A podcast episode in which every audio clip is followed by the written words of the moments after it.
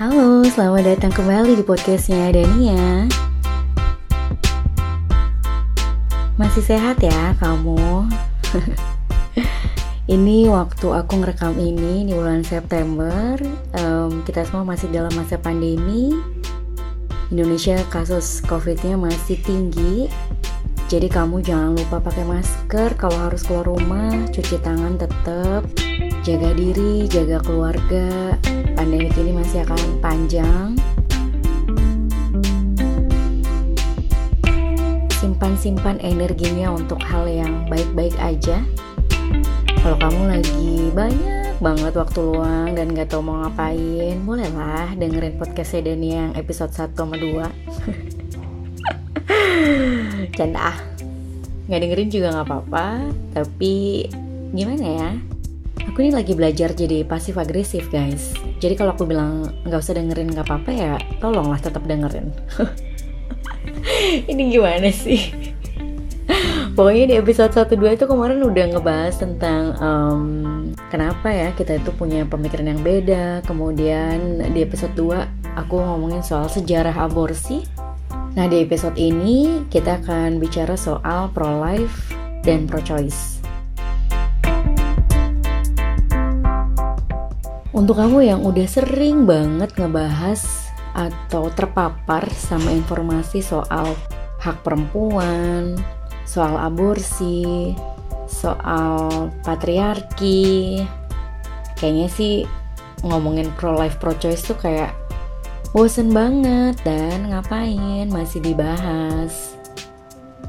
Terus kayak udah apa pilihannya lo terbatas di Indonesia itu nggak yang available optionnya buat perempuan nggak juga dibilang pro choice gitu bener aku juga awal-awal kayak bosen banget loh dapat pertanyaan dan ya kamu pro choice atau pro life kayak diskusinya udah panjang loh tapi ya nggak apa-apa.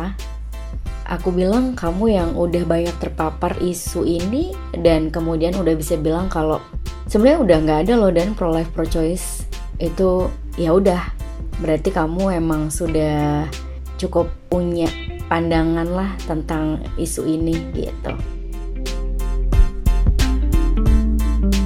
Cuman buat kamu yang belum pernah denger dan kayak memang masih punya dikotomi uh, pro life dan pro choice, mari kita bahas lebih lanjut.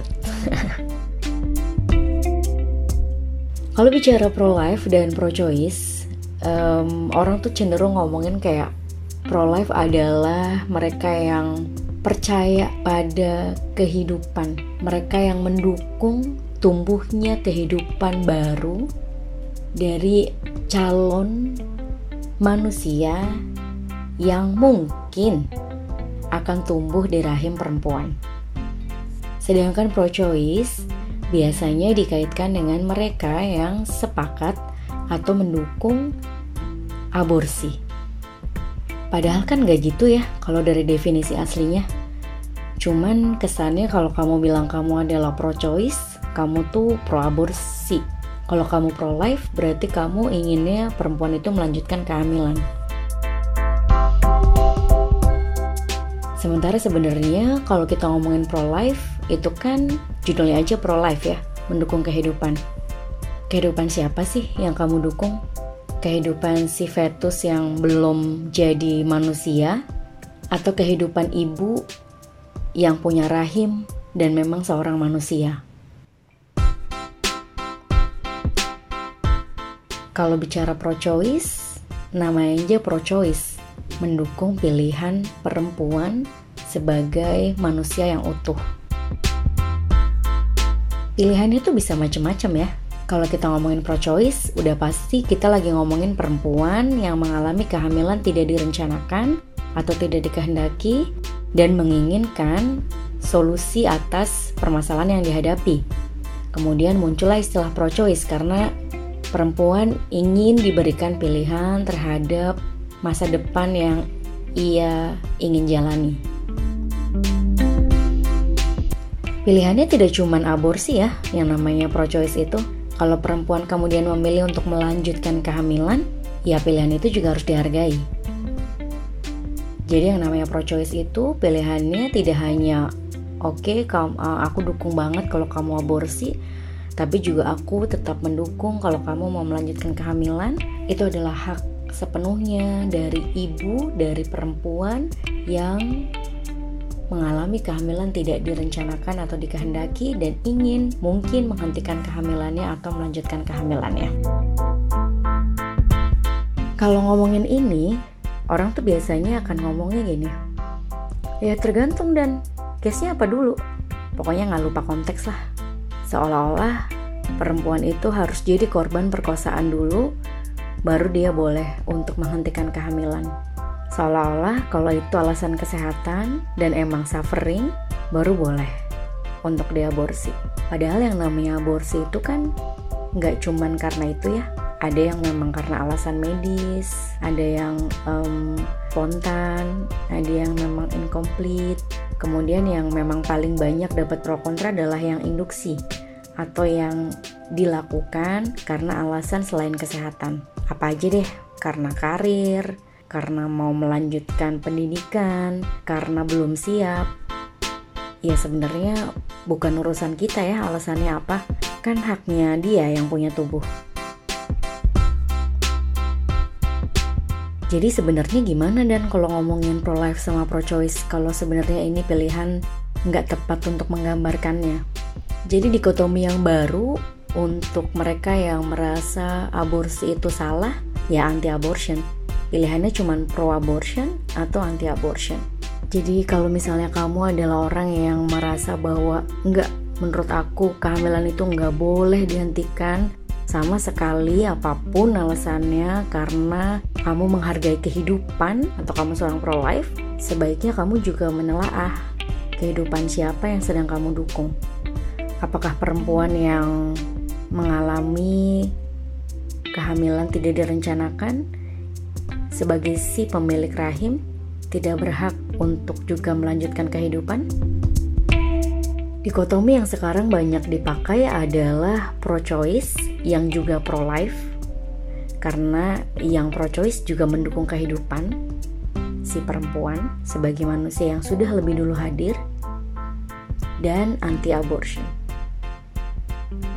Antara kamu dukung pilihan perempuan atau kamu sangat menentang aborsi?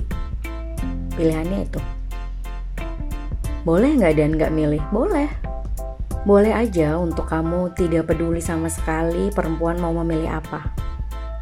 Atau kamu memilih untuk abstain nggak mau ngasih pendapat soal ini. Nggak apa-apa.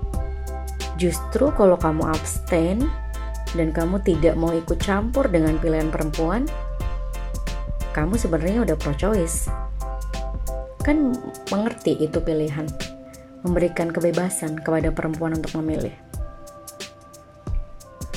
Tapi kalau kamu juga seorang yang menentang banget aborsi dan merasa bahwa aborsi adalah sesuatu yang sangat berdosa, tidak boleh dilakukan apa pun alasannya, gak apa-apa juga.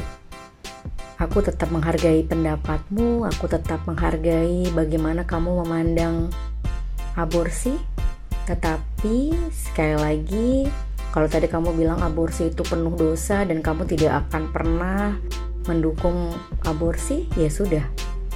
Dosa itu ada di keyakinanmu, untukmu agamamu, untukku agamaku, untuk mereka agama mereka. Jadi nggak apa-apa juga kalau kamu adalah seorang yang anti aborsi, tapi kepengen belajar soal aborsi dan mau mencegah supaya kamu tidak mengakses layanan aborsi. Yang menjadi salah, menurut aku, adalah kalau kamu menyalahkan orang-orang yang mengakses dan memerlukan layanan aborsi. Kita tidak pernah tahu cerita apa di balik kebutuhan itu. Kita juga tidak berhak menghakimi apakah sebaiknya aborsi itu dilakukan atau tidak. Karena sekali lagi, yang terus dari tadi aku ulang adalah rahim itu milik perempuan perempuan punya hak sepenuhnya untuk melanjutkan kehidupannya. Ia punya otoritas untuk menentukan apa yang ingin dia lakukan terhadap tubuhnya. Itu rahim di dalam loh, nggak ada yang lihat. Itu organ yang sangat pribadi milik seseorang. Kenapa sih kita harus ikutan ngatur? Kenapa sih kita harus nunjuk-nunjuk apa yang harus dilakukan dan apa yang tidak boleh dilakukan?